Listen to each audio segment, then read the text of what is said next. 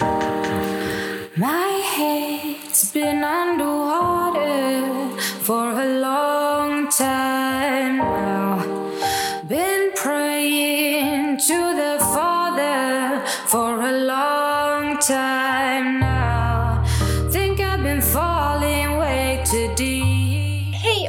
välkomna tillbaka till Progress Me's podd Ett steg i taget. Eh, Jag som pratar heter Cornelia och idag har vi också med oss Hilda. Hej Hilda! Hej! Är det bra med dig? Med mig är jättebra. Hur är det själv? Det är bra med mig. Jag har flyttat hela dagen Ja. så jag känner mig lite trött men eh, annars är det bra. Mm. Ja, vad kul att ha dig här. Och det är jättekul att få vara med. Ja. Ehm, idag så ska vi prata om din historia, vad du har gått igenom.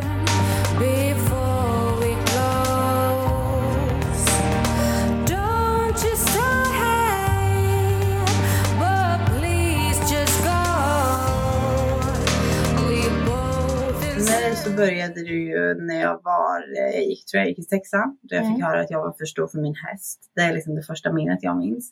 Okej. Eh, och min mamma har även varit väldigt mycket kring träning. Eh, hon tränade extremt mycket. Och liksom, jag har inte heller jättemycket för att nämna hur mycket, men hon tränade väldigt mycket, ohälsosamt mycket. Mm. Ehm, och åt inte samma sak som oss alltid. Nej. Och det här var jag jättemedveten Man tror att man inte är medveten om det här. Men sanningen är att man är medveten om det. Barn gör inte vad föräldrar säger att du ska göra. De gör vad du gör. Mm. Så eh, jag började nog ta efter beteende i att kontrollera skolan. Man skulle ha A i alla ämnen. Jag skulle prestera bra i ridning. Jag skulle vara populär. Jag skulle ha de killarna jag ville ha. Jag ville ha den uppmärksamheten. Eh, Jag var nog väldigt osäker. Mm. Väldigt osäker. Och tog ut det i att verka väldigt säker. Mm. Eh, och det är klart att jag inte var medveten om det här. Utan det här är någon försvarsmekanism jag använde mig av. Att vara extremt elak mot andra. Ja. Jag var väldigt elak när jag var liten. Mm. Eh, hemskt. Mm. Men det var hur jag var. Ja. Och eh, lilla Hilda, det är liksom inte schysst mot henne att döma henne heller. Och jag tror att det är viktigt att vi all, alla att vi kan se det här lilla barnet inom oss. Så att så här, Mm. jag hade mig själv när jag var barn som bakgrund ett tag på mobilen. När jag Ja. skrattade. För att påminna mig själv om att så, här, så fort jag var taskig mot mig själv. Det där är du. Ja. Och då var jag elak mot henne liksom. Ja. Ehm, för att jag var liten och jag utvecklade vissa mekanismer som så här, ja, försvarade mig själv. Ja. Jag växte och blev äldre, började sjuan, åttan, nian. Eh, jag var väldigt tunn och blev liksom plankan. Då började jag vara inne med att ha kurvor. Ja. Eh, samtidigt som hemifrån var det lite mer det här smala idealet. Väldigt, väldigt tunna. Väldigt, väldigt ja, men, platta. Mm. Ehm, och för mig blev det så här, okej men vad ska jag vara? Ja men jag blev duktig på att springa. Jag blev duktig på att träna. Ja. Så det gick, jag började gymma. Eh, jag blev osäker i mig själv. Jag blev mer och mer osäker i mig själv. Och till sist så började jag ju höra de här kommentarerna om att nej men vissa livsmedel lägger sig direkt på magen. Ja. Ehm, och eh, det är inte bra att äta det här och det här och det här. Och jag började ju utesluta mer och mer livsmedel. Mm. Eh, och det var ju form av kontroll. Mm. Jag ville inte känna. Jag ville inte bemöta vem Hilda kanske egentligen var. Ja. Ehm, och vem jag egentligen var visste jag ju knappt själv. Och sen så vände jag mig till mat. Okej. Ehm, Och du har tre systrar Tre systrar. och det är storsystrar eller? En stora syster och två småsystrar. Mm. Ehm, och eftersom att det var så mycket träning hemma så tror jag inte att de riktigt förstod så här, att det var ohälsosamt att jag sprang flera kilometer om dagen. Mm. Utan det var nog mer jag själv som märkte att jag gråter efter jag tränar. Varför gör jag det för? Jag Ja. vill inte det. Ja. Jag vill inte gå ut och springa. Varför ska jag behöva springa upp för berget ett x antal gånger för att få äta en midsommarmiddag? Och det där jag minns så Precis. extremt tydligt. Att jag gick ut och sprang på förmiddagen, midsommar typ. Eh, och jag var 17 Mm. och skulle äta midsommarmiddag med mina bästa vänner och min kille var med. Och jag hade verkligen världens finaste vänner, världens finaste pojkvän. Och jag gick ut och tränade och Mm. sprang en extra gång upp för berget för att bara, men då kanske jag får äta efterrätt. Ja. Och sen så äh, åkte jag på det här midsommarfirandet och det var ju precis som du sa att man höll sig väldigt mycket. Mm. Och det slutade med att jag stod i smyg och åt upp, upp typ resten av efterrätterna. För att liksom Mm. jag var så sugen men hade förbjudit mig själv. Ja. Eh, och sen så gick jag till toaletten Mm. och eh, kräktes. Mm. Och jag minns att liksom alla var utanför, knackade på dörren och bara Hilda hur mår du? De förstod att okej men det här är inte normalt, hon mår nog inte så bra. Mm. Eh, och sen minns jag att det bara gick ut för ut för ut för och jag fortsatte träna. Mm. Ehm, och det var en stor festival och jag minns att jag frös så mycket kvällarna. Alla stod och Ja. hade så kul och jag bara frös. Ja. Eh, man kunde inte vara närvarande, man kunde inte ha kul. Det gjorde ont, man var trött, livet var bara piss liksom. Ja. Eh, man tänkte ju bara på mat. Alla andra kunde gå och beställa pommes och dansa och hade så kul. Alltså jag känner igen mig för jag har Ja. exakt samma både midsommar Mm. och festival har varit exakt samma upplevelser för mig. Mm.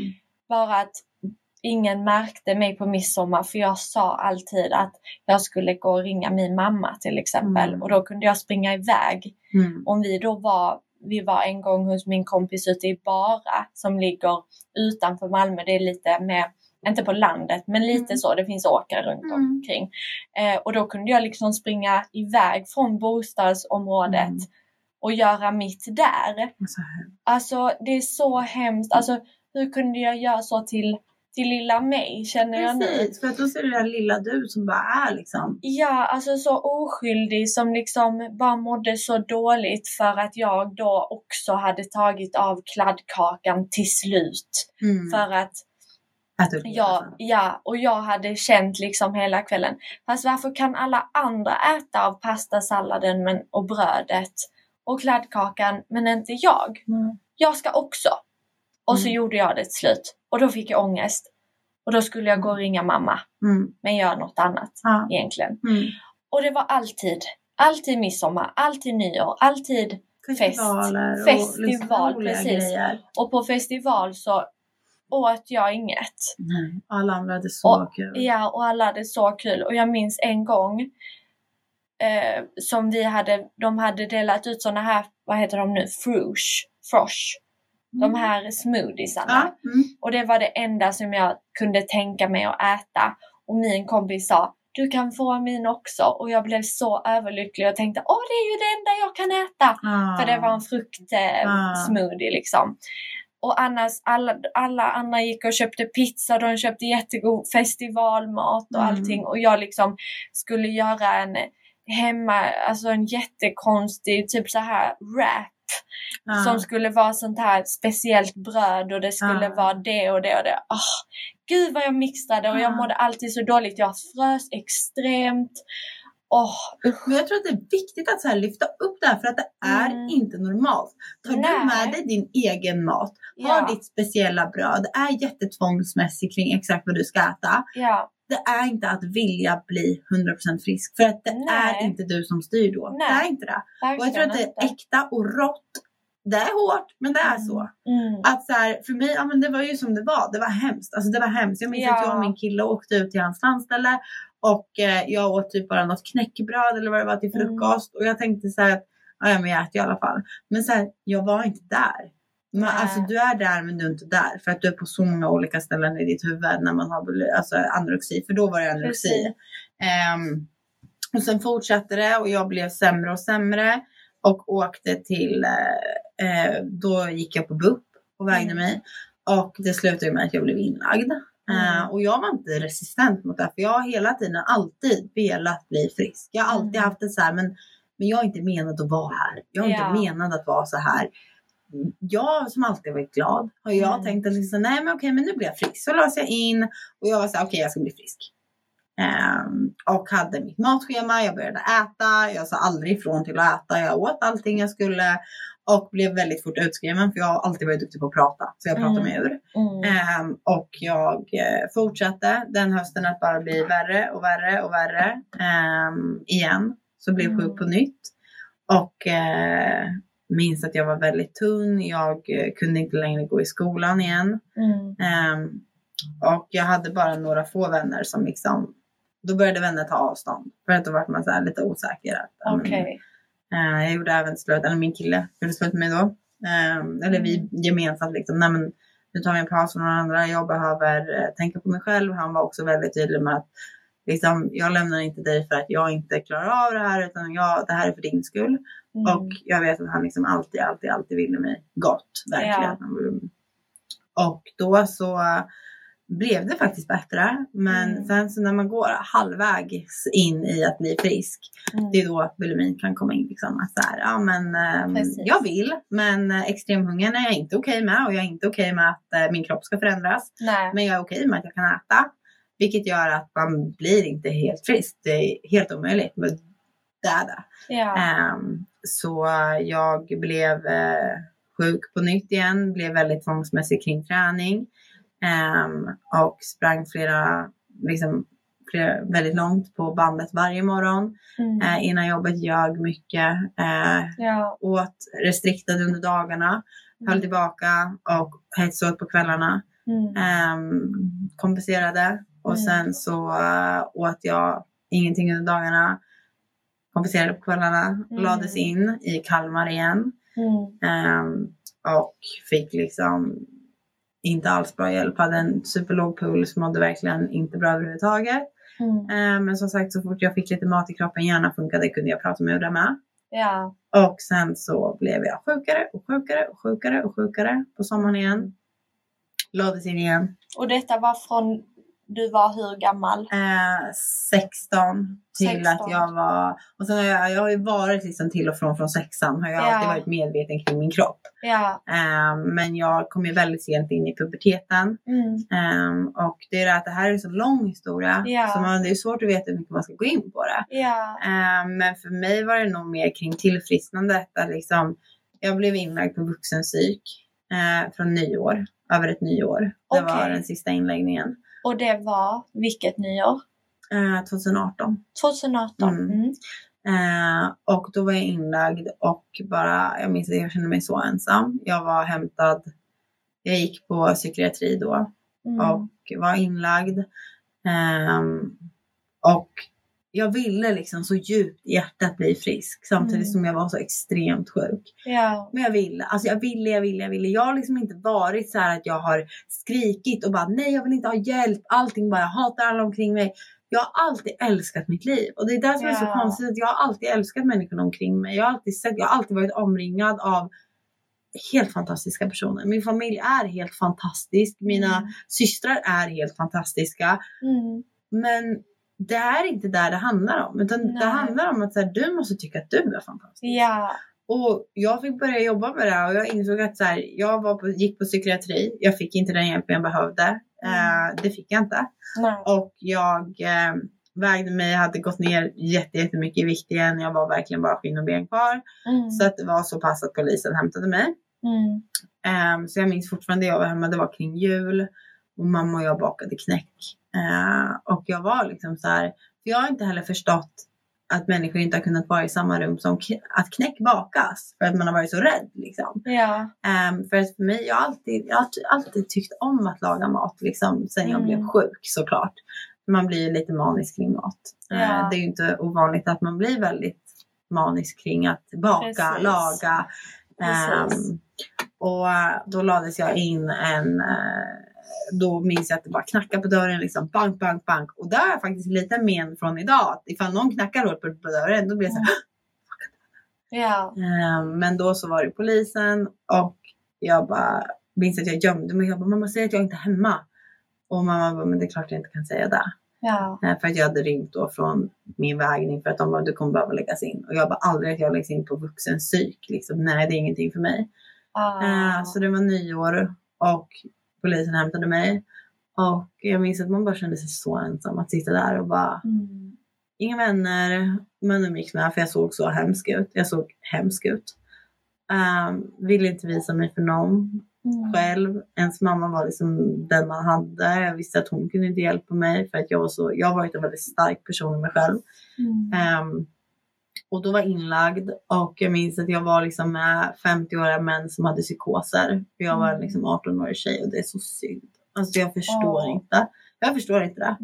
Ehm, som liksom den tjej jag är idag, jag ser inte hur det här ska kunna göra en människa frisk. Nej. Ehm, de som jobbade där tyckte typ inte ens om sitt jobb. Så att det blir så här, Hur ska jag kunna vara lycklig där? Det är klart att jag började äta och bara ville därifrån. Ja. Ehm, och sen så uh, skrevs jag ut därifrån också. Mm. Bara liksom flyt enligt mig att jag bara kunde så här fort ta mig ur. Inte för Mm. att jag var tillräckligt frisk eller någonting. Jag kom bara ur på något konstigt vänster. Mm. Hur Eh. länge var du inskriven? Då Mm. var det bara fyra veckor. Ehm, Okej. Men det har ju varit perioder jag varit inlagd i flera månader. Okej. Ehm, men jag har liksom alltid lyckats prata mig ur och Mm. det har varit maten. De har hjälpt mig att börja äta men det handlar ju inte om maten. Och Nej, jag tror det är så viktigt att upplysa att det handlar inte om maten. Det precis. handlar om dina känslor. Alltså det handlar om ditt förhållande till dig själv. Ja. Och hur pass villig du är att se dig själv med empati, med kärlek, Mm. med Och respekt. det vill vi ju lyfta verkligen. Ja. Jag tror Just det är så det. viktigt att så här, att istället för att bara utmana sig med mat, utmana dig med dina känslor. Ja. Vad är det du rymmer ifrån? Vad är det du inte vill möta? Vad är det du försöker kontrollera? Vad är det du har intalat dig själv när du var liten? Att okej, har jag mögelrutor kommer jag få kärlek. Är jag Ja. liten kommer jag få kärlek. Är jag som när jag var tio år, då Ja. kommer jag vara älskad. Precis. Och äh, att då vara så här, om du, det kan ha varit så lite som att åh, men min lilla flicka. Ja. Och då har man i huvudet att okej, jag är mammas lilla flicka. När du inte är där längre, då kanske du kommer in i puberteten, du växer, du hör bara, men oj vad stor du har blivit. Och då stor? Ja. Jag är liten. Precis. Och sen börjar man intala sig att jag vill vara liten igen, jag vill vara liten igen. Ja. Och så kommer du in i ett fel be- beteende liksom. Mm. Och Men- då är det den du måste backa till. Mm. Hur var det? Eh, du är hur gammal idag? 20. 20. Mm. Ehm, och dina lillasystrar är 13 och, nej 15 och 12. 15 och 12. Ja, Och din storsyster 22. 22. 23. 23. Ja. Mm. Ehm, för mig har det varit jättejobbig relation. Um, de hjälpte mig väldigt mycket. Jag Mm. minns att det var kvällar jag kunde sitta och så här.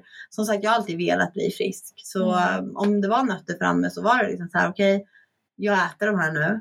Mm. Ehm, och jag minns att vi kunde så här, vi har, vi har en port Mm. eh, och en dörr. Jag minns att vi ställde upp stolar framför dörren liksom. Mm. Eh, jag, ställ, jag ställde själv stolar framför dörren och knöt Ja. för att jag visste att om jag får ångest så vill jag hinna nå in till Hilda Ja, innan jag kompenserar. precis. Och det här är också så ganska sjukt egentligen för att i efterhand så tänker man så här, men varför, hur, hur, hur kunde jag göra så här mot mig själv? Men jag gjorde det Ja. och jag åt på kvällarna, fick ångest, Mm. åt liksom mycket eh, inom citationstecken det Mm. ena eller det andra. Det kunde vara allt ifrån att jag kunde tycka att ett x antal nötter var mycket Ja. till att jag kunde äta flera kladdkakor och chokladbitar och Mm. tårtbitar och fem lussebullar och massor semlor och allting. Ja. Och sen sitta med samma ångest. Mm. Eh, det var helt kväll till kväll. Och sen då när jag fick den här ångesten så minns jag att mina systrar kunde sitta på typ en varsin sida av mig.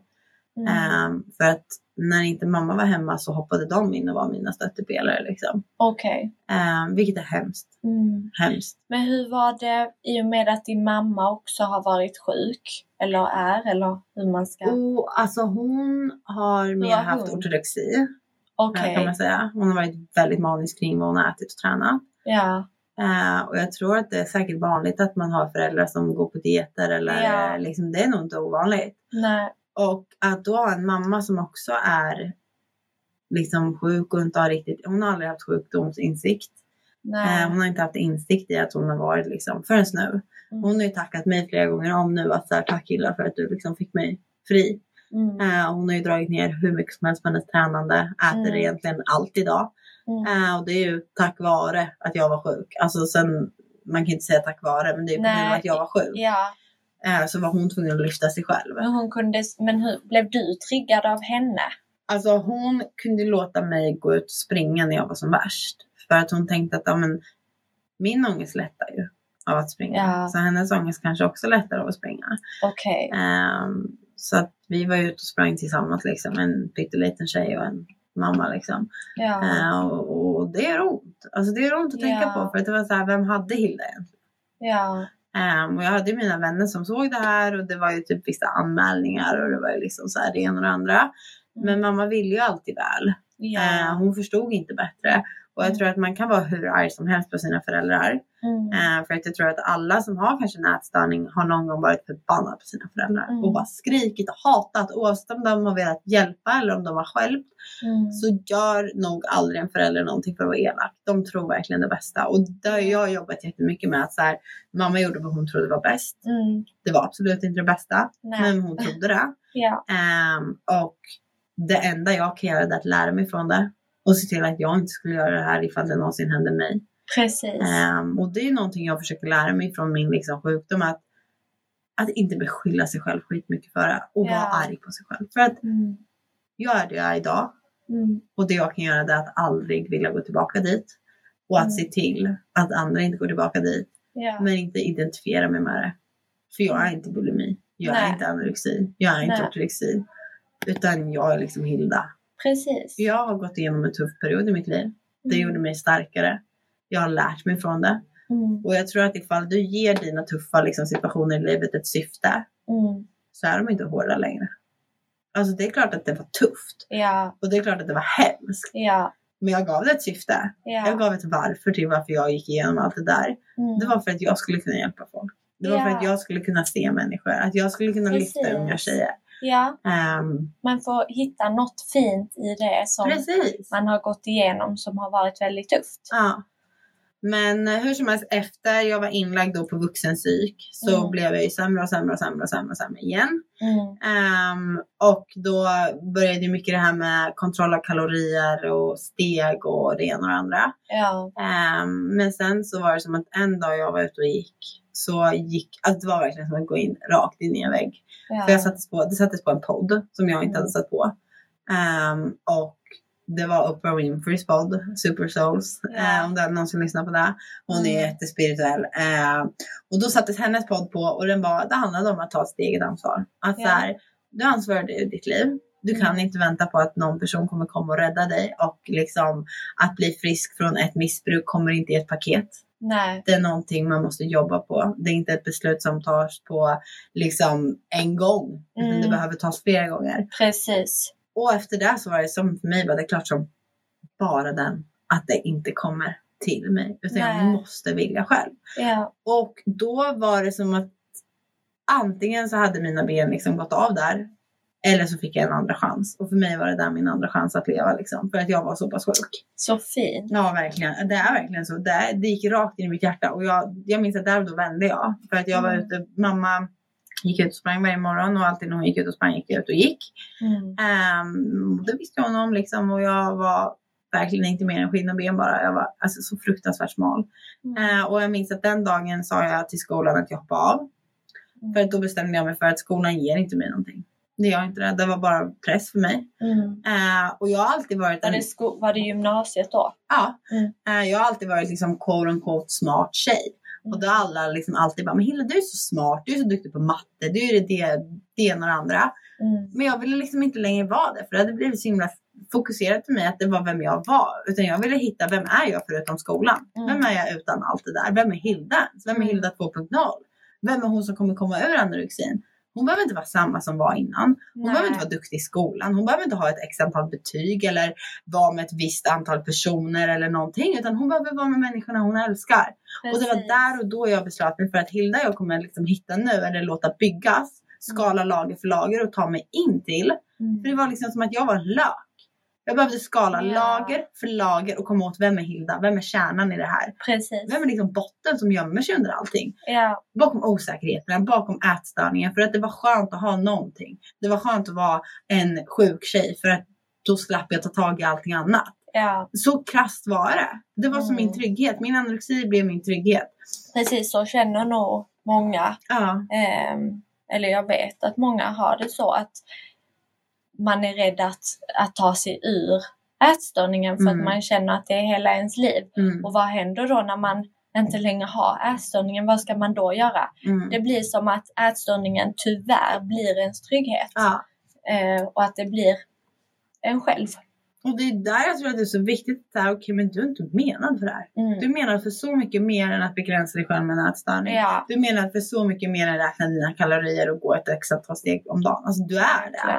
Och det var då jag började bygga mig själv. Jag, började, jag tyckte det var kul att hålla på med YouTube. Så jag gjorde Ja. lite YouTube-videos så här, what I eat in a day. Och sen i efterhand tror jag så här, what I eat in a day kanske inte är de bästa videorna att kolla på. Eh, för att så här, en disclaimer är väl att ingen äter likadant varje dag. Nej. Och man kan inte äta som någon annan. Jag tyckte det var kul för att jag åt vad jag ville. Nu i Mm. efterhand kan jag kolla på videorna och bara, ja det var ganska begränsat där ändå. ja. Men just där och då tyckte jag det var skitkul. Ja. Och då är det så här, men lägg ut det då. Jag har Ja. gjort 10 000 calorie challenge på min YouTube. Mm. Och det kanske inte är det minst triggande i efterhand. Men det var vad Nej. jag tyckte var kul då. ja. Jag ville utmana mig själv. Jag ville Mm. testa det. Och jag gjorde det. Jag klarade det.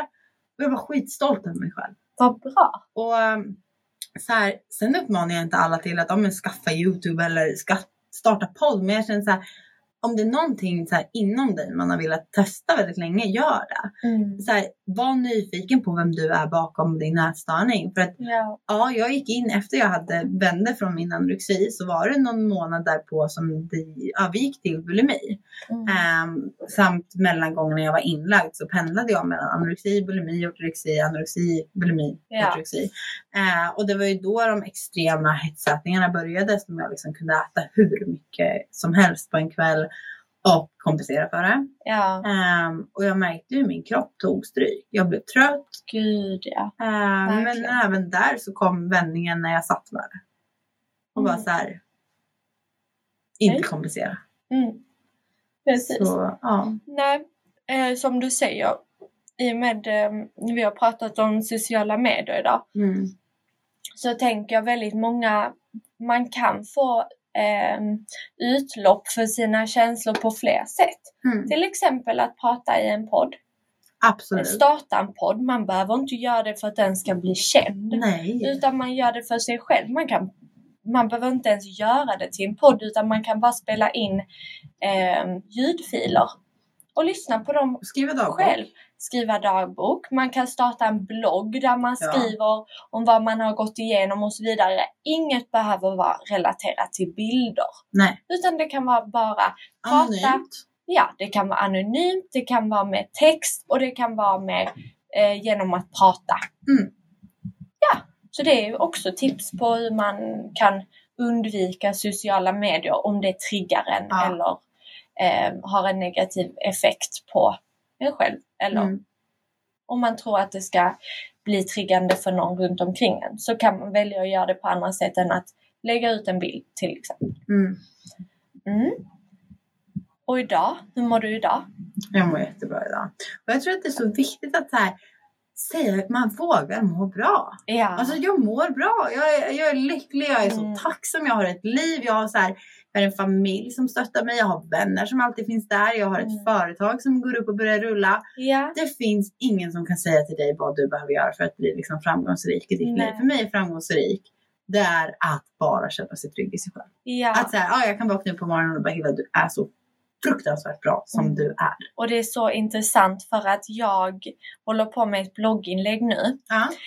Och vi har haft jättemånga blogginlägg som har varit väldigt, eller jag tycker de har varit rätt sorgliga. De har handlat om någons historia och det har varit eh, en djup historia liksom och Mm. till slut så har det ledit till en, ett, en, ett bra slut liksom. Ja. Men jag vill dela med mig av bara ett glatt inlägg. Bra! Mm, som Bra. bara ska ge positiv effekt Ja. om att jag mår skitbra idag. För det gör jag. Ja. Och jag har lärt mig så mycket av att bara flytta till Stockholm ensam. Ja. Alltså det har gått knappt tre månader som jag har bott här. Och jag trodde aldrig tidigare att jag skulle klara att flytta hemifrån ensam. Helt själv. Och nu står jag här och jag är typ jätte, alltså jag är, jag känner ändå lycka i livet. Men du är så mycket gång. power. Ja. Du drog. Alltså, så här, ja. För att jag menar, man kanske intalar sig själv att jag kan inte flytta hemifrån, jag kan inte flytta Ja. hemifrån. Bli mer än din hjärna. Mm. Bli större än dina begränsningar. Gud. För jag menar, så här, ingen kommer ju någonsin kunna ta dig ur att, in, alltså, här, att intala dig själv att du inte kan flytta hemifrån Nej. för att du gör det. Bevisa motsatsen. Ja, verkligen. Och det var väl också det lite som peppade mig. Nej, jag tror inte jag kan. Men just därför kan jag. Precis. Alltså verkligen. Exakt samma För att man kan så, man kan allt. Nej, men Ja. testa så ser du om du kan eller inte. Går det inte, nej, då får du försöka något annat som Ja. funkar bättre för dig. Går det inte att du bor ensam, trivs du inte att bo ensam, då har du i alla fall testat på det. Ja. Och då kanske du inte ska bo ensam utan bo med en kompis eller med en förälder eller med Ja. en partner Men vad är det värsta som kan hända? Flytta Ja. hem. Precis. Så här, Du har i alla fall testat på det och bara det är starkt. Precis.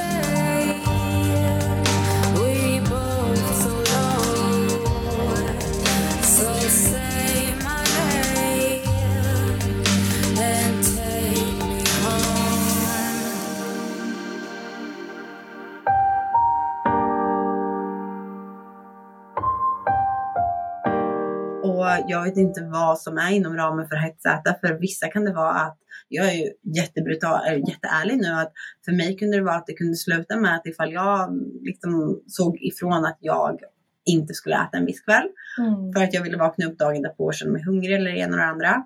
Ja, men det kunde sluta med att tre kvällar därefter kunde jag sitta med tre kladdkakor, en påse chips, eh, en halv pizza, middagen som jag hade sagt att nej men jag äter inte det där, jag äter mitt eget istället. Ja. Äta den. Jag kunde säga att jag var vegetarian och sitta och äta massor biffar på Ja. kvällen. För att allt jag förbjöd mig ifrån åt jag. Mm. Och det är så att jag vet att om du lyssnar på det här och har kanske bulimi eller att du har, eh, tycker att det är jobbigt för att du hetsäter på kvällar eller eh, känner att du äter utan kontroll. Mm. Det är in, du är inte ensam i att Nej. sitta och äta allt det här. Och det är väldigt, eh, jag tycker ändå att det är bra att vi lyfter det. mm. Eh, för jag har inte eh, talat så öppet om hur mycket jag har ätit och Nej. vad. Nej.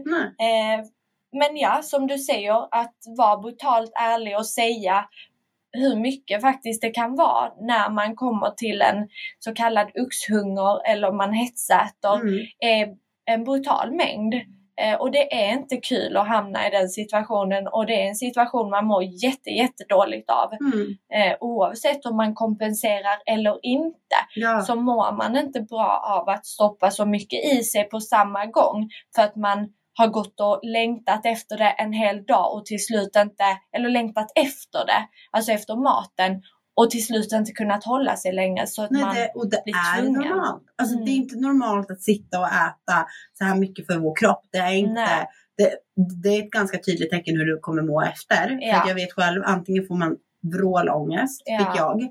Ehm, eller så, ja men din kropp får ont i magen helt enkelt. Precis. Eh, och ibland för mig, när jag, det var egentligen hur jag tog mig ur min bulimi. Att Mm. jag, eh, men det kanske jag kommer till mer sen om jag berättar. Eh, men det är så viktigt att i de stunderna så här, du är inte ensam med att göra det här. För att jag vet att jag trodde jag var ensam. Jag Mm. trodde att jag skämdes så in i bomben Mm. över hur mycket jag åt. För att jag visste Ja, jag inte. med. Ja, jag trodde jag, Jag tror själv. aldrig jag har pratat om det, alltså de gångerna som jag har ätit som mest. Nej. Eh, jag skulle aldrig typ kunna räkna upp allt det ens för Nej. att det har varit så mycket. Ehm, och jag förstår inte, idag förstår jag inte hur det har kunnat få plats i mig. Ehm, faktiskt, för det är orimliga mängder. Men man bara äter, äter, äter och det har finns inget stopp. stopp. Och sen så kommer, eller ångesten ligger ju där hela tiden. Men det här är ju problemet. Men- Jag tror att problemet Mm. är att folk vågar inte, att man lyfter inte. Man Nej. säger inte. Och det får egentligen nog fler att vara. För att jag vet inte, jag tror att många, jag har hört folk säga att nej men jag vill inte prata om min bulimi för det känns som att jag har en misslyckad anorexi. Ja, Och det där är så sorgligt. För att det Mm. absolut inte var bulimi är. Bulimi Nej. är en naturlig respons. Liksom Ja. vad som händer när du hetsäter. Det är en naturlig respons för att din kropp är i svält. precis. Den har panik. Precis. Du har varit så länge utan vissa, vad säger man, utan vissa livsmedel Mm. eller utan eh, någonting alls. Att din kropp säger ifrån, detta måste du ha nu, detta är du så Mm. sugen på nu. Och du svarar på det Ja. genom att äta otroliga mängder och få ångest av det för att du egentligen inte vill äta någonting av det. Ehm, Ja, vi vet ju om vi skulle säga så här.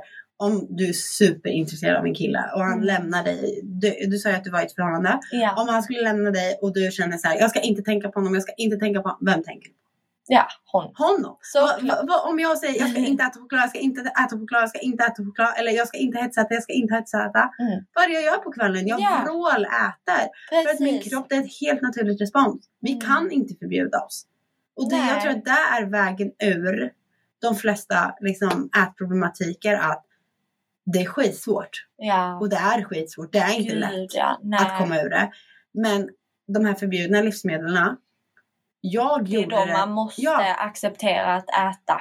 Jag gjorde en lista och bara två i veckan minst. Mm. Och sen började jag, sen helt plötsligt var det fem i veckan, sex i veckan, sju i veckan. Mm. Några om dagen. Mm. För att jag ville bara bli av med alla mina sug. För att jag tyckte att det Ja. var jättejobbigt. Jag tyckte Ja. att det var hemskt. Och jag bara behövde ta bort de här förbjudna livsmedlen. Okej, om min kropp säger choklad när jag går förbi en 7-Eleven, då går jag in och köper det. Mm. Och sen tog jag det på vägen. För att det Mm. spelar ingen roll för att jag var så mycket mer än några kalorier. Eller Precis. någon app eller någon viss kropp. Mm. För det var okej att jag förändrades. Ja, och eh, jag tänker där också att det handlar ju precis om det att det är väldigt svårt att ta sig ur en bulimi eller kan vara, kanske inte för alla, Mm. men i många fall eh, för att det handlar ju om att man man vill kompensera när man har ätit alla de här grejerna. Mm. Eh, och många säger att det handlar om att man måste sluta kompensera. Inte sluta hetsäta. Man börjar i fel ände ofta. Mm, precis. Jag tror att för mig var det i alla fall att jag var tvungen att acceptera att jag kunde äta ett choklad utan att det var farligt. Jag kunde, alltså potatis bet inte mig. Nej. Alltså jag blev inte sjuk för att äta eh, godis och så vidare och så vidare utan jag accepterade mer och mer för varje grej som jag innan inte hade tillåtit mig själv att äta Mm. till att kunna äta utan att kompensera det. Mm. Ehm, och äta det i rätt mängd. Eh, det var därför också till exempel brunch och påskmiddagar, högtider var jättejobbigt för min del. För där var det ju alltid på, Buffé. på buffén och så vidare. Jag visste precis vad jag var sugen på och vad jag ville ha. Men det fick jag inte ta. Nej.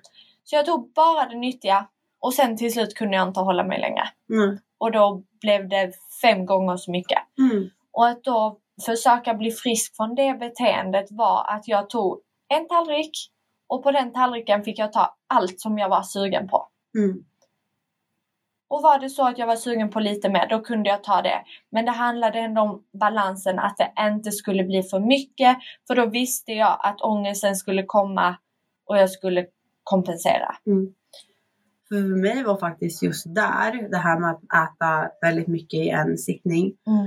Ehm, jag minns att det var, jag stod och hade ätit liksom allt det här. Jag hade ätit två mar jag minns det så himla tydligt. Mm. Jag hade ätit två Marabou, ett ballerinapaket, en Mm. frödingekladdkaka, en Ja. hel spray, spraygrädde. Ja, Hade ätit väldigt mycket. Eh, en halv pizza, massor mat. Ja. Och jag satt och hade så ont i magen. Stunden jag skulle gå och kompensera för det. mm. Så var det någonting som vände mitt huvud. Bara, Hilla du gör det inte. Mm. Och jag bara, men shit. Vadå inte göra det? Ja. Det var som att jag blev så här. Jag stannade upp, jag blev typ chockad. Vem var det som sa Nej, det? vem sa att jag inte skulle kompensera? Ja. Och då blir det, då kommer mitt spirituella in igen att okej, nu har jag stöttning, nu har jag kraft. Och det är Mm. klart det gör ont. Mm. Men jag visste att så här, det här är vad som krävs. Och jag trodde att det sista jag skulle göra i mitt liv Mm. var att behålla allt jag hade ätit i den stunden. Ja. Och inte kompensera för det. Men jag gick och la mig i soffan. Jag la en hand på hjärtat, en hand på magen. Andades igenom det och tänkte jag läker, jag läker, jag läker. Och jag bara Mm. tänkte gång på gång, jag kommer läka nu. Det här är vad det krävs för att läka. Det Mm. här är inte vad som tar sönder mig. Det här är vad som läker mig. Mm. Och jag bara vaknade upp morgonen därpå. Mm. Och jag kände mig så jäkla stolt. Alltså jag Ja. kände mig så stolt. Åh, För att det är det som krävs. Precis. Att det, man kan inte börja i att, att inte kompensera. Jag har så många gånger tänkt innan jag liksom gjorde det här att jag kommer börja i att eh, inte hetsäta ikväll. Jag kommer börja i att eh, Precis. inte hetsäta överhuvudtaget. Mm. Det är inte där det börjar. Nej. Det är inte det. Nej. Ja, för det är ju i början om man, om man nu lyssnar på detta till exempel och bestämmer sig att nej, nu ska jag testa och, och bli frisk eller jag är, jag är sjuk kanske Mm. och jag vill verkligen ta mig ur detta nu. Och så testar man. Det är helt okej och jättevanligt att man inte lyckas direkt. Ja, Man blir inte frisk sådär. nej. Det är som Rum byggdes inte på en dag. Nej. Alltså, Nej, Verkligen. nej. Eh, man måste bygga upp det som en, en stadig bro liksom. Eh, bygger ju på en stadig, stadig grund. Ja, men ett första steg. Mamma brukar Ja. alltid säga att ehm, jag kunde ju ibland få panik. Så, men mamma, gud nu har jag ätit det här. Nu får jag panik och tänk om det här händer. Och, och det är samma sak ifall någon som är extremt, extremt, extremt överviktig Mm. eh, och kanske bestämmer sig för att gå ner i vikt liksom. Eh, Ja. exempelvis. Mm. Och väljer att äta, som jag då, valde att äta en hamburgare istället för en sallad exempelvis. Ehm, och den väljer att äta en sallad istället för en hamburgare. Ja. Det syns ju lika mycket på den som det syntes på mig. En måltid avgör inte ditt liv. Men någonting som är viktigt att nämna det är att vill man bli frisk och kanske är väldigt undernärd Mm. och du väljer att okej men jag ska bli 100% frisk. Det innebär förändring. Ja. Och det är viktigt att säga för att livet är en förändring. Ja. Du kanske bryter benet imorgon Mm. och det kommer innebära att din kropp kommer förändras. Men det Precis. handlar om att inte vara fäst vid sin kropp för att du är så mycket mer än din kropp. Mm. Det är precis som kläder, du kan byta dina kläder. Din kropp kommer förändras. Du kommer Ja. växa, du kommer bli äldre. Ja, Det bara är precis. så. Ja, för det var också en väldigt jobbig sak för mig. För jag har inte alls samma kroppsfigur eller storlek eller någonting idag som Nej. jag hade när jag var tio. Nej. Och det är helt normalt. Men för mig var det ett tag en jättejobbig känsla att jag inte hade lika liten storlek som när jag var 10 och att jag ens Mm. kunde jämföra mig med det när jag var 18. Ja, Det är liksom, nej, nej. det, det går inte ihop för mig idag för jag hade inte alls liksom lagt ehm, den vikten på det idag. Ehm, Men nu har du gjort så. the work. Ja. Du har Ja. gjort ett jobb nu. Du har, liksom, du har jobbat med dig själv och jag tror att det är det som är så viktigt att lägga en påminnelse i att vi förändras och det är okej. Det är Mm. okej att förändras och värdet i hur bra jag är ligger Mm. inte längre i hur vältränad jag är. För att Nej. jag är älskad och du som lyssnar på det här är älskad oavsett om du har magrutor eller inte. Ja. Oavsett om du har eh, en vältränad rumpa eller inte. Ja. För att jag menar det ligger där också. Att så här, absolut att du kan ha en eh, smal kropp eller en viss kropp eller en, en större kropp eller Mm. Egentligen vilken kropp du vill ha. Mm. Men det finns så mycket mer inom dig än din kropp. Det finns så Mm. mycket kärlek inom dig. Och jag menar i mina vänner, jag värderar, jag vet inte, vi värderar ju inte våra vänner utefter deras kropp. Nej, Så varför gör vi det med oss själva? Varför värderar jag ifall Det jag är hoppas jag värd? ingen gör. Nej precis, men jag menar många, vi gör ju det med oss själva. Ja, Vi gör ju ibland förr alltså, så kunde jag så här, nej men jag är inte värd det här för att jag har inte den här kroppen. Nej men jag, jag är inte Precis. snygg idag för att jag har inte den här kroppen. Jag känner mig inte fit idag. precis. Men det är inte direkt så att jag skulle skriva till min kompis, nej jag vill inte umgås med dig för att jag tyckte inte du såg ut precis.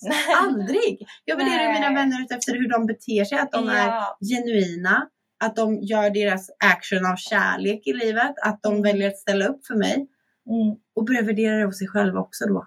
mm. Jag tror det är så viktigt. ja, verkligen. Eh, jag tänkte också på att eh, jag vill tacka dig jättemycket. Mm, Vill du eh, berätta något mer? Kan, du kanske vill eh, berätta lite om företaget som du har startat upp lite kort? Mm. Jag ska iväg, jag ska ha eh, hälsohelger eller yoga retreat. Det är min Mm. dröm att ha yoga retreats på olika hotell runt om i Östergötland och runt Stockholm. Ja. Eh, även eh, yoga på exempelvis campingar. I så fall är det med ett eh, ja, men, erbjuda yoga, eh, tacksamhetsövningar, att bara få fler människor att stanna upp i vardagen och se okej hur mycket har vi egentligen? Precis. Vi har så mycket att vara tacksamma över. Vi har så, så, så mycket fint i våra liv. Alltså Mm. vänner, människor, personer. Vi är så mycket mer än att fly in i fester och alkohol. ja. Vi är så mycket mer än att fly in, att distrahera oss med Instagram, distrahera oss med att mm, äta på ett visst sätt eller träna på ett visst sätt för att vi är oss själva. Och det är typ där jag vill få fram att så här, man kan jobba med vad man vill. Har du hundra personer som, i världen som är intresserade av det du brinner för så Mm. kan du leva på det. Ja. Och det räcker där. Fint. Du inspirerar verkligen mig måste jag säga. Hoppas det kan inspirera andra också. Men det tror jag verkligen.